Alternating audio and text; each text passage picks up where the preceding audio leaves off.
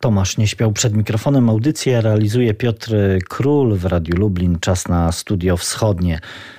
A dziś e, naszym gościem jest dr Anna Barzenowa z e, Zespołu Europy Wschodniej Instytutu Europy Środkowej w Lublinie. Dzień dobry. Dzień dobry.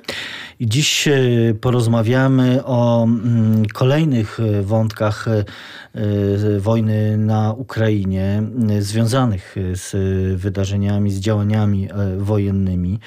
E, co najmniej ponad 200 e, milionów hrywien, czyli e, miliardów hrywien, czyli ponad 6 miliardów euro. Tyle mniej więcej wynoszą szkody związane z rosyjską dewastacją środowiska naturalnego od początku rosyjskiej inwazji na, na Ukrainę. To są dane, które zostały mm, podane na początku e, czerwca. To są też szacunki ekspertów Polskiego Instytutu Ekonomicznego, które zostały ustalone na podstawie danych y, Ukraińskiego Ministerstwa Obrony, Ochrony Środowiska i Zasobów Naturalnych. I na początek, pani doktor, pytanie, na ile są to y, dane wiarygodne w, sensie realne?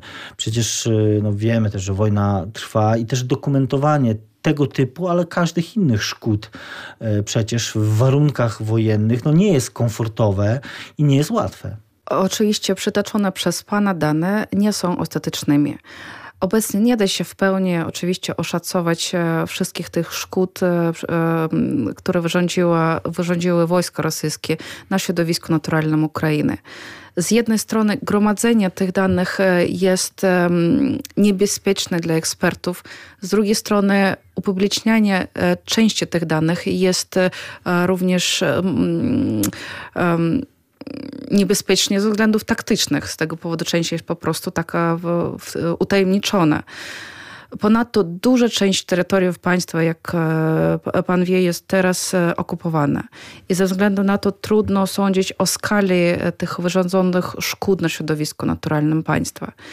Niemniej jednak oczywistym jest, że im dłużej trwa wojna, tym więcej ona szkód przyniesie, mm, tym więcej szkód ona przyniesie w przyszłości i więcej negatywnych konsekwencji będzie miała. I mam tutaj przede wszystkim na myśli niszczenie ekosystemów, e, zanieczyszczenie głęb, atmosfery, wód, utratę bioróżnorodności.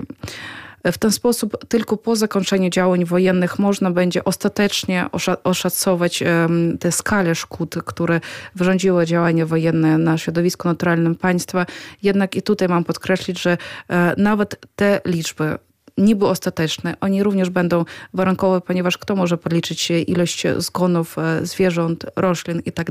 Czyli tego nie da się policzyć to, co można policzyć, to raczej tylko pożary, które e, fiksowane są ze sputników i tak dalej, to, to jeszcze da się w jakiś sposób policzyć, ale wszystkie inne liczby będą, ale również będą... Na dużym stopniu ogólności, pewne szacunkowe tak. E, będą e, to dane z, ze zrozumiałych i oczywistych powodów, ale no skoro dziś spotykamy się, żeby porozmawiać właśnie o, o tych zniszczeniach, których wojna dokonuje, czy agresor dokonuje w w przyrodzie, w środowisku naturalnym, to może na początek spróbujmy y, wyjaśnić, y, mm, z czym tak naprawdę się dziś mierzymy, czym są te nazwane już przez ekspertów ekoprzestępstwa, e, których no de facto dokonuje Federacja Rosyjska na terytorium Ukrainy za ekoprzestępstwo, e, za przestępstwo przeciwko środowisku albo ekoprzestępstwo uznaje się każde działanie, które narusza prawo ochrony środowiska i które ma bardzo szkodliwe e, skutki e, dla środowiska naturalnego lub dla zdrowia ludzi, albo również które potencjalnie może mieć takie poważne zagrożenie dla środowiska naturalnego i dla zdrowia ludzi. Ekoprzestępstwa, których obecnie dokonuje Federacja rosyjska na terenie Ukrainy według prawa międzynarodowego e, są częścią przestępstw wojennych. I jeżeli tak e, mm, zanalizować te wszystkie przestępstwa, które teraz dokonuje Rosja na terenie Ukrainy, e, ekoprzestępstwa na terenie Ukrainy, można ich obecnie, podzielić na takich pięć podstawowych grup. Pierwsza grupa to są uszkodzenia obiektów jądrowych i potencjalne zagrożenia redakcyjne, jądrowe i nuklearne. Tak? Po drugie to są zniszczenia i uszkodzenia obiektów infrastrukturalnych oraz obiektów przemysłowych i związane z tym zanieczyszczenie chemiczne. E, po trzecie, to są zanieczyszczenia spowodowane bezpośrednio działaniami wojennymi.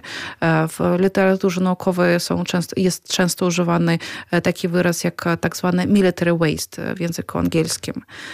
Po czwarte, to są niszczenia rezerwatów i innych obiektów szczególnie chronionych przez państwo. I piąte to oczywiście minowanie i zanieczyszczenie dróg wodnych.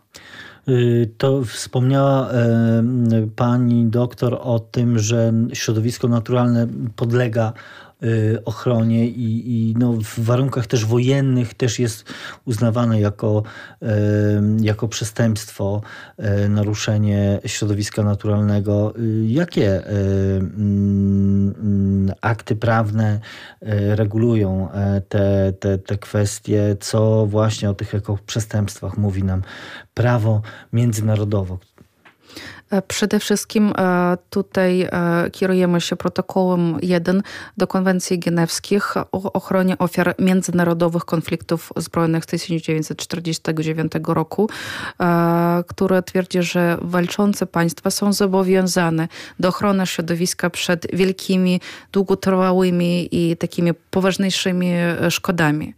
Zabraniane również są metody i środki walki, które mogą doprowadzić do, do takich skutków, do takich takich szkód. E, I drugi ważny dokument e, w, w tym zakresie to jest deklaracja z Rio de Janeiro w sprawie środowiska i rozwoju z 1992 roku, e, która de facto zawiera podstawy, podstawowe zasady prawa ekologicznego. I jedna z zasad tej deklaracji stwierdza, że działania wojenne są nieodłącznie związane z niszczeniem warunków do trwałego i zrównoważonego rozwoju. A w związku z tym państwa powinny przestrzegać międzynarodowego prawa, e, które zapewni ochronę środowiska podczas konfliktów zbrojnych oraz powinny współpracować przy jego dalszym rozwoju, tam gdzie oczywiście to jest konieczne. Jednak cztery miesiące wojny, jak my zobaczyli, pokazały, że Rosja nie zamierza przestrzegać wymogów konwencji międzynarodowych, tych deklaracji i no, to z jednej strony mamy oczywiście prawo, czyli pewną teorię, e, co do której e, państwa też się zobowiązują do jej przestrzegania. Z drugiej strony realność. mamy realność i praktykę codzienność wojenną, mówiąc e, wprost, w której też trudno pewnie mm, no, wypełnić te, te zobowiązania. Niemniej jednak, mm, jakby dziś rozmawiamy o, o, no właśnie o tych skutkach, które działania wojenne, których dokonują te działania wojenne, agresja rosyjska na Ukrainę. Więc skoro no, po takim wstępie, można powiedzieć, pewnym e, teoretycznym e, chciałbym, żebyśmy no, porozmawiali o tej praktyce właśnie. E, zacznijmy może od tego, w których miejscach Ukrainy dziś te zniszczenia, tego typu zniszczenia, które też zresztą, których katalog pani doktor wymieniła już wcześniej, są dziś największe. Może... Bo mamy do czynienia z ogromnym przecież terytorium, jednym z największych państw europejskich no, terytorium de facto większe, dwukrotnie większe niż terytorium Polski. Tak I tutaj przy okazji powiem, że terytoria Ukrainy, które jest obecnie zamienowane, to jest 300 e, tysięcy kilometrów kwadratowych, czyli prawie, prawie terytorium... Tak, terytorium Polski. Tak. E, I przede wszystkim warto powiedzieć, że w chwili obecnej e, już zostało zarejestrowanych 260, prawie 260 ekoprzestępstw na terytorium Ukrainy oraz półtora, już ponad półtora tysiąca przypadków negatywnego wpływu na środowisko, e, między innymi poprzez wybuchy pocisków, e, wypalania lasów, zanieczyszczenie chemiczne itd. Tak Najwięcej przypadków e, tego rodzaju przestępstw są, są dokumentowane na terenie obwodów kijowskiego, donieckiego, lugańskiego i dniepropietrowskiego. Mianowicie na tych terenach wojska rosyjskie zniszczyły lub uszkodziły bazę zaopatrzenia w produkty naftowe, bazy benzynowe, przedsiębiorstwa chemiczne oraz przemysłowe, a także, co ważne, składowiska niebezpiecznych odpadów. Czyli to są te tereny, y, na których też toczyły się od początku i toczą najcięższe, można powiedzieć, y, walki, ale też z punktu widzenia agresora miejsca może albo najbardziej, albo po prostu strategiczne z punktu widzenia osłabiania e, tak. Ukrainy. I, I, teraz, e, teraz wszyscy słyszą te, ten, ten najważniejsze teraz dla Ukrainy punkty, e, jak Siewierodonieckie, Lesyciańskie, to akurat tam znajdują się znaczne, duże magazyny tych niebezpiecznych odpadów i to, to no, oczywiście nie, nie wiemy skalę, jaka już skala tych um, szkód Rosji wyrządziła na środowisko, tylko po zakończeniu działań to będzie można oszacować, ale to, to jest... Y, ale to też pani doktor pokazuje, że y, kiedy no, można się próbować zastanawiać, z czego akurat y, wynika, wynikają te zniszczenia w tych miejscach, no to można też no, domniemywać, dyskutować, czy jest to po prostu swego rodzaju taka przypadkowa cena prowadzonych działań wojennych, no bo wiemy, że wojna w w realnych warunkach to jest y, coś zupełnie nieprzewidywalnego. Y, różnie się może rozwijać. Tak też się dzieje na, na, na Ukrainie. Ale no właśnie, na ile, na ile mm, możemy tutaj mówić o, o jakichś y, przypadkowych konsekwencjach działań wojennych, a na ile możemy w tym przypadku, jeśli chodzi o te ekoprzestępstwa, mówić o tym, że jest to y, taki przemyślany element takiej strategii wojennej y, Federacji Rosyjskiej jak widzimy, Rosja nie osiągnęła no, tych, celów, tych celów pierwotnych, e, które ona sobie postawiła i w związku z tym, jak widzimy, prawie od razu zaczęła ona niszczyć nie tylko obiekty wojskowe, a również obiekty infrastrukturalne, strategiczne, infrastrukturę krytyczną, e, między innymi ciepłownie, przedsiębiorstwa chemiczne, przemysłowe oraz e, przykładowo została zniszczona jedyna ukraińska rafineria w Kremenczuku. I skala dokonanych przestępstw, moim zdaniem, jednoznacznie wskazuje na to, że ekobójstwa e, są takim systemowym, zaprogramowanym elementem strategii Rosji przeciwko Ukrainie. Czy nie jest tak, że, że, że właśnie Rosja, no, prowadząc działania militarne przy okazji, po prostu niszczy środowisko, tylko z premedytacją dąży do tego, że, żeby także pod tym względem, w tym elemencie zniszczyć, osłabić państwo ukraińskie? Już nie mówiąc o tym, czy ona chce, żeby państwo ukraińskie istniało nadal. No tak, to jest ten podstawowy e, problem, wokół którego e, rozmawiamy już od początku rosyjskiej inwazji na Ukrainę. Mm, e, ale skoro o tym początku mówmy, to wróćmy do, do tych pierwszych dni wojny, bo, bo one też właściwie pokazały, że to nie będzie, czy, czy nie jest przypadek, że tego typu działania e, Federacji Rosyjskiej e, są i będą e, prowadzone. Mm, wspomniała Pani o tym, o, o, o tych atakach na te elementy jądrowe. No, pamiętamy szczególnie w tych pierwszych dniach zajęcie elektrowni w Czarnobylu, elektrownia w Zaporożu. To, to były też te momenty, które, no, no, no można powiedzieć, świat też wstrzymał oddech w pewnym momencie, bo, bo wszyscy się bali, co się może y, wydarzyć. Więc y, porozmawiajmy właśnie o tym, czy, czy już możemy przynajmniej oszacować skalę, jaki jest bilans, y, no właśnie, jeśli chodzi o Czarnobyl, no bo, no bo to od tego się można powiedzieć zaczęło w tych pierwszych dniach. Tak, mianowicie 24 lutego w pierwszym dniu inwazji wojska rosyjskie zajęły czarnobylską elektrownię jądrową oraz inne obiekty czarnobylskie strefy wykluczenia.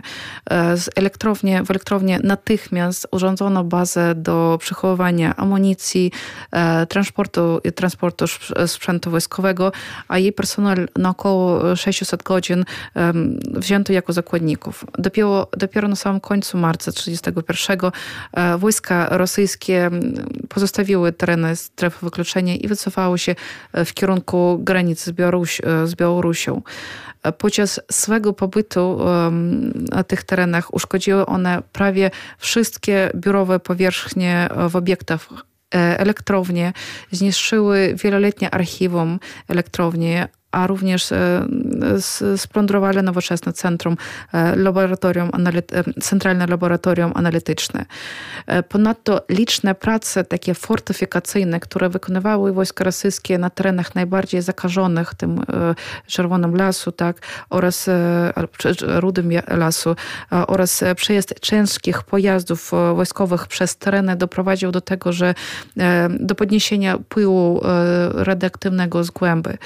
I według wstępnych, jak zawsze, jak teraz mówią mhm. wstępne, wszystkie teraz szacunki są wstępne, e, szacun e, to według tych wstępnych szacunków straty spowodowane okupacją w chwili obecnej wynoszą ponad 80 e, milionów dolarów.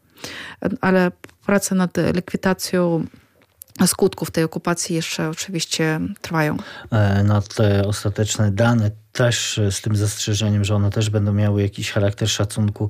Trzeba oczywiście poczekać do zakończenia działań e, wojennych, ale też e, wspomniałem już o elektrowni w Zaporożu, e, czyli największej działającej w Europie, dziewiątej pod względem wytwarzanej mocy na świecie.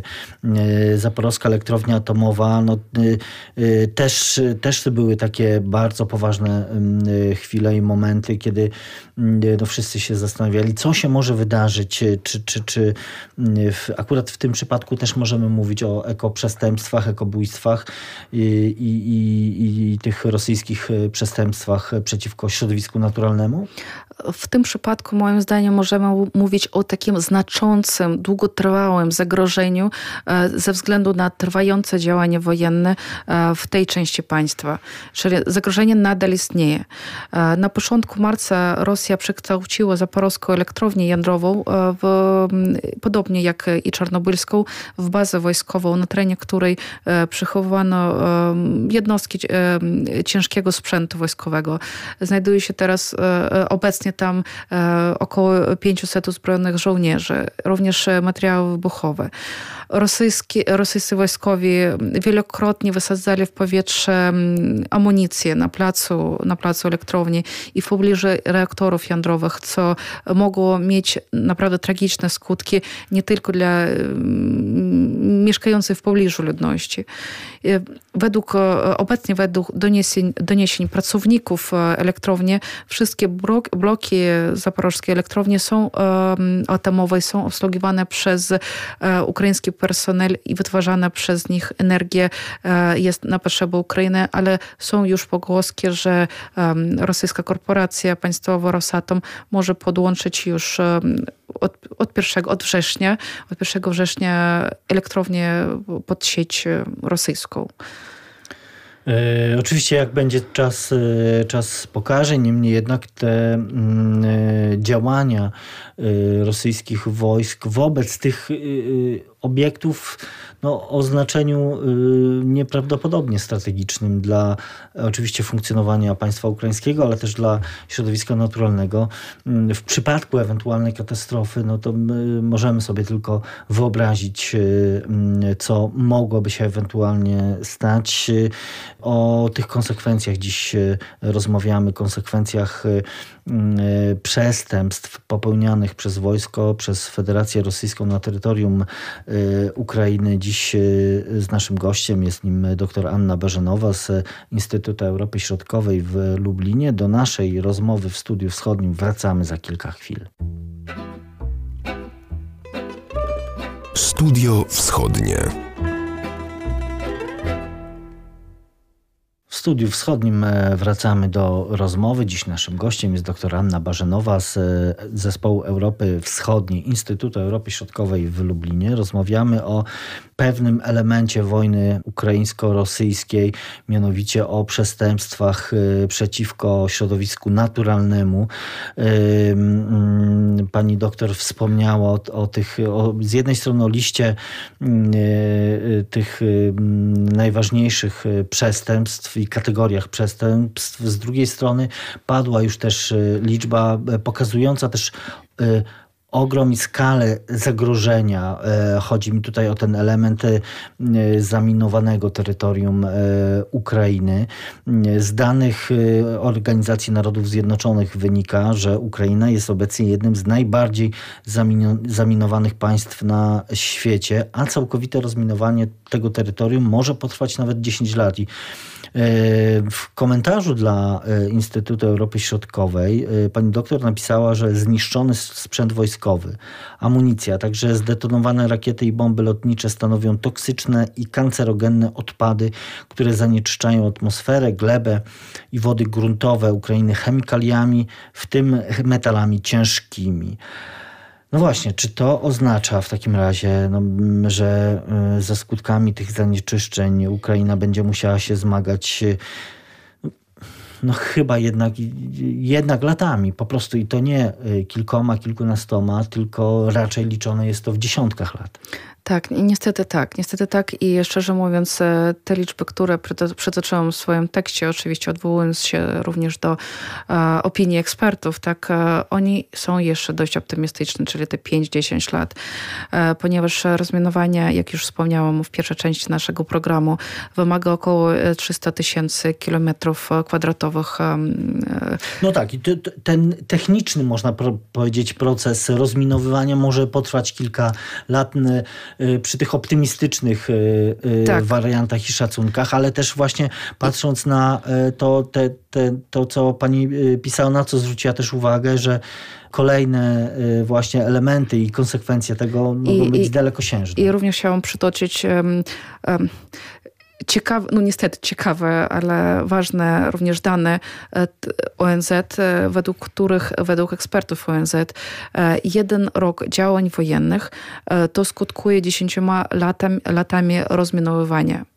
Czyli czym więcej trwa wojna, tym więcej tych dziesiątków lat będzie przed nami rozminowywanie. Nie będziemy teraz nawet wspominać o tych ośmiu latach również walki, konfliktu na, na no na wschodniej, wschodniej no części tak, Ukrainy. Bo dziś, dziś mówimy o tej, można powiedzieć, pełnoskalowej inwazji, inwazji, ale przecież trzeba pamiętać, że wschód Ukrainy pogrążony jest w wojnie od 2014 y, roku i tam, tam wojna i tam działania czyli, wojenne toczą się y, właśnie od, od 8 lat. Y, czyli faktycznie to mówimy teraz właśnie o takich liczbach jak 30, minimalnie 30 do 50 lat rozminowywania i to rozminowanie według szacunków będzie wymagało około 250 miliardów e, dolarów. Skala ogromna, e, bez wątpienia.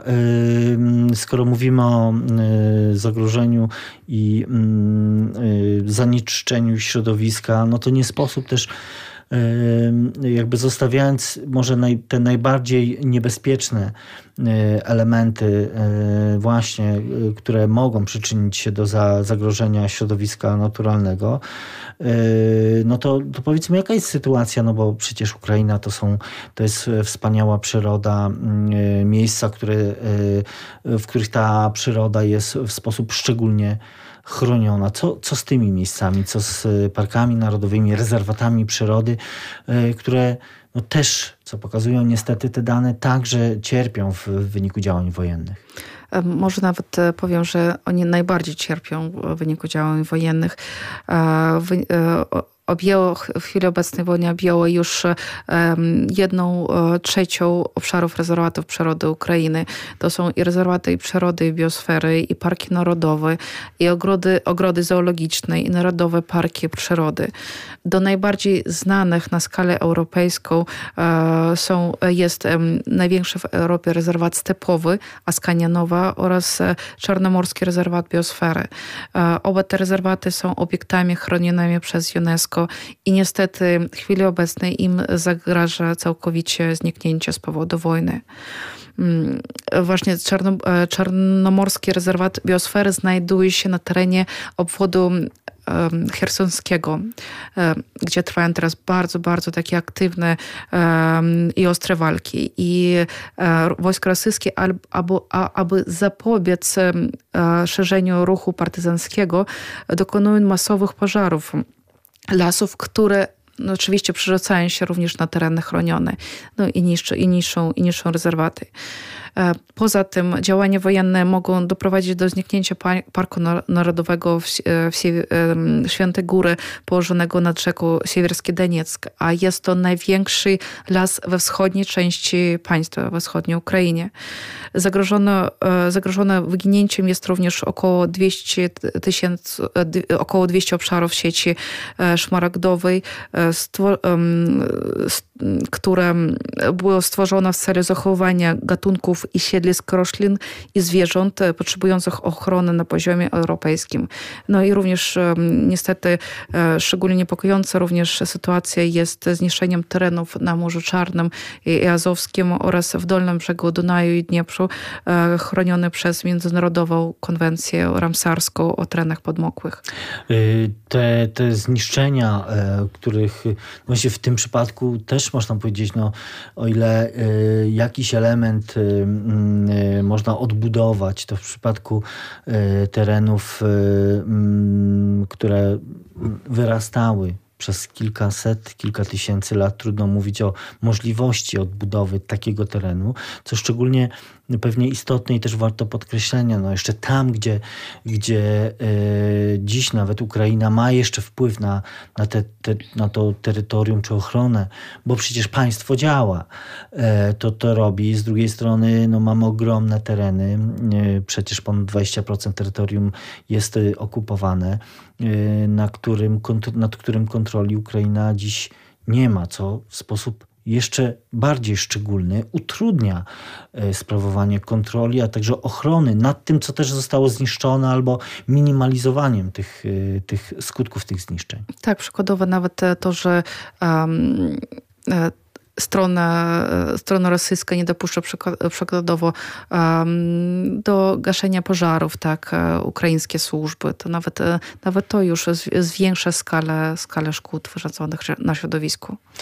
Y, skala zniszczeń ogromna, ale y, porozmawiajmy jeszcze o jednym elemencie, y, ponieważ o tym też mówiło się, dyskusja na ten temat przetoczyła się w pierwszych dniach wojny także przez polskie media. Chodzi mi o kwestię zniszczeń kultury, dóbr kultury ukraińskiej w tych pierwszych dniach wojny i rzeczywiście były także sygnały, które mówiły o pomocy Polski i też świata dla, dla ukraińskiego państwa, także dla ukraińskiej kultury były, były e, kwestie pomocy na terytorium Ukrainy, jak e, pani też podaje, przed wojną istniało 5 tysięcy muzeów. E, mm, mamy 7 obiektów światowego dziedzictwa UNESCO.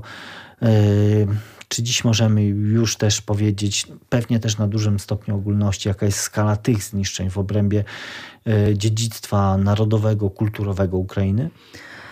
E, tak, Ministerstwo Kultury i Polityki Informacyjnej w połowie czerwca zarejestrowało, e, zadokumentowało już około 400 przypadków zbrodni wojennych armii rosyjskich dokonanych e, przeciwko dziedzictwu kulturowemu e, w, w 13 obwodach oraz w Kijowie. E, najwięcej, najbardziej pod tym względem ucierpiały obwody charkowski, kijowski, Doniecki, Czernigowski, Lugański, Sumski, Zaporowski oraz Żytomierski. Najmniej ucierpiał Kijów oraz obwody Chersoński, Mikołajowski, Dniepropetrowski, Odeski i Lwowski. Łącznie w wyniku działań wojennych zniszczono lub uszkodzono było 119 obiektów dziedzictwa kulturowego, w tym 21 zabytków o znaczeniu narodowym. Poza tym już zniszczono 20, 42 pomniki ku czci postaci lub wydarzeń historycznych z XIX, początku XXI wieku. E, poza tym zniszczone są albo uszkodzone liczne, liczne budynki, e, muzea, teatry, domy kultury, etc.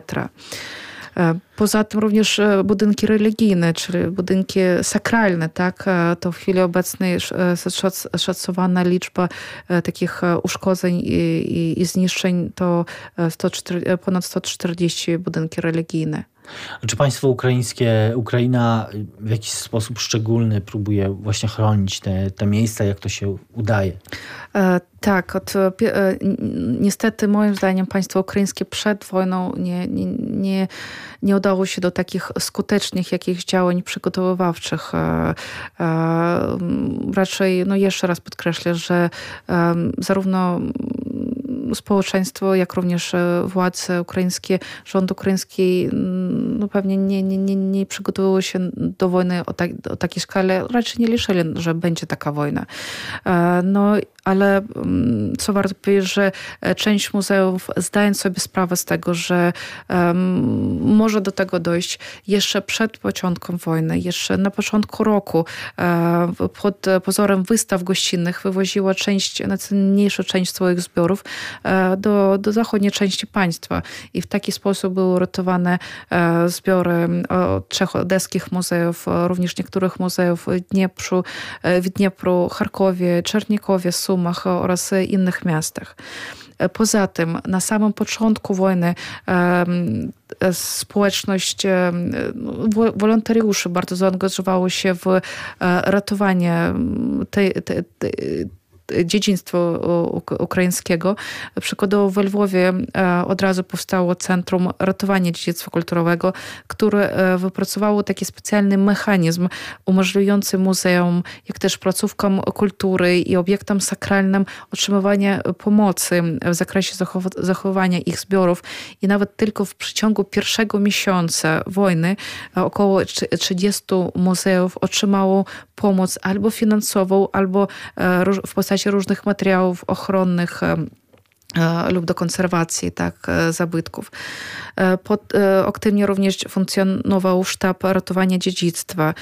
Potem działa również Muzealne Centrum Kryzysowe i co ważne, ten centrum pomaga niewielkim, pomagał niewielkim instytucjom, które znajdują się w małych miejscowościach, w miasteczkach, na wsiach i pierwszeństwo, no, w, akurat nadawano tym muzeum z tych miejscowości szczególnie we wschodniej i południowej części państwa. Przykładowa taka galeria Iwana Frankowska, jak pokój asortymentowy, to była taka instytucja, która pomagała zachować obiekty kultury, które nie, było, nie znajdowały się na tych tak zwanych czerwonych listach, czyli obiekty, które mają być chronione w pierwszej kolejności, czyli właśnie ten e, społeczeństwo obywatelskie bardzo, bardzo mocno zaangażowało się w takie działania i co ważne również e, pewnie na obrazkach E, sporo ludzi, no, które ogląda te, telewizję polską, widziało te, w jaki sposób były chronione te mm, zabytki nieruchome, jako pomniki, tak, mhm. jakieś budowle, tak, architektura miast. Oni były przykrywane workami z, z piaskiem, deskami lub obwijane czasami takie obrazki były dość śmieszne, jak przykładowo pomnik um, bardzo słynny i takim symbol miasta Odessy, pomnik um, francuskiemu politykowi i zasłużonemu gubernatorowi Odessy de Richelieu. Um, również było pod obstrzałami, co ważne, zabezpieczony pomnik Tarasa Szewczenki, taki duży pomnik Tarasa Szewczenki w Charkowie. Również w Kijowie w ciągu pierwszego miesiąca w wojny 30 obiektów zostało mm, ochronione w taki sposób zabezpieczone.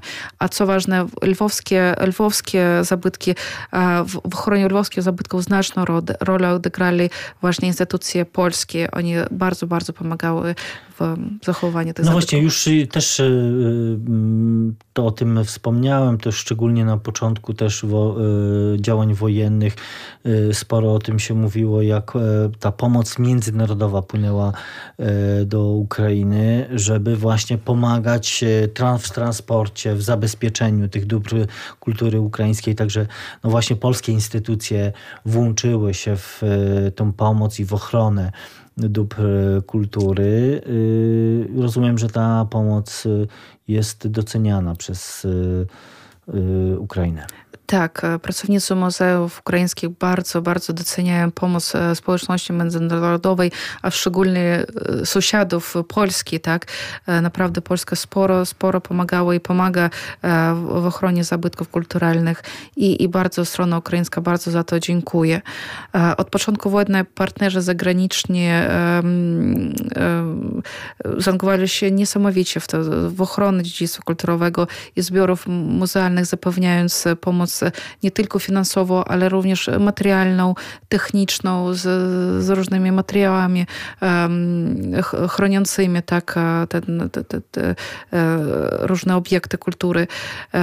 Przykładowo przedstawiciele polskich muzeów powołali specjalne takie e, centrum, które się, nazywa się Komitet Pomocy e, Muzeum Ukrainy i którego głównym celem jest wsparcie wszystkich ukraińskich muzeów i instytucji kultury w zabezpieczeniu zbiorów e, i najcenniejszych pamiątek, zabytków kultury ukraińskiej.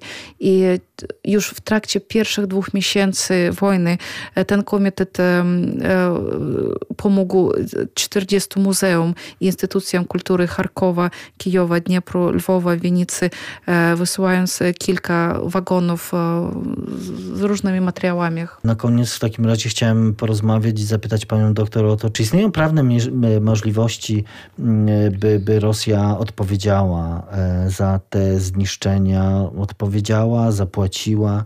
Prawnie oczywiście można się domagać i oczywiście Ukraina będzie to będzie robiła. To, to bez wątpienia w przypadku zwycięstwa to oczywiście ona będzie to robiła. Jednak e, można przypuścić, że Rosja nie będzie chciała uznać wyroków międzynarodowych trybunałów e, nakazujących jej pokrycie szkód wyrządzonych, e, wyrządzonych Ukrainie poprzez działania wojenne, które ona zaczęła 24 lutego 2022 roku.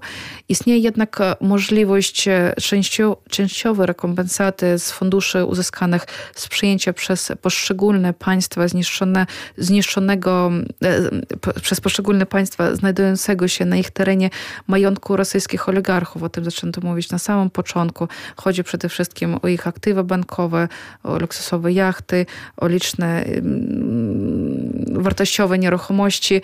E, powstały również takie propozycje e, na, na, na skali no, takiej państwowej, rządowej, e, żeby ewentualnie te zasoby finansowe, które dysponuje Rosja i które znajdują się w bankach, ta rezerwa rosyjska, która znajduje się w bankach amerykańskich, żeby ewentualnie z tych 300 miliardów dolarów w jakiś sposób potem pokryć Mm, te wszystkie szkody, które wyrządziła Rosja, ale no, raczej to jest e, nierealne. No wiemy, wiemy, że to bez e, wątpienia nawet z punktu widzenia tak, formalnego, formalnego prawnego, prawnego e, w ogóle obrazu tych, obrazu po prostu Stanów Zjednoczonych w obliczu przed osobami, przed którymi ona ma inne obowiązki i tak dalej, które tam chronią swoje pieniądze, tak? Majątki, tak. Po prostu majątki, to po prostu nawet pod tym względem jest to nierealne,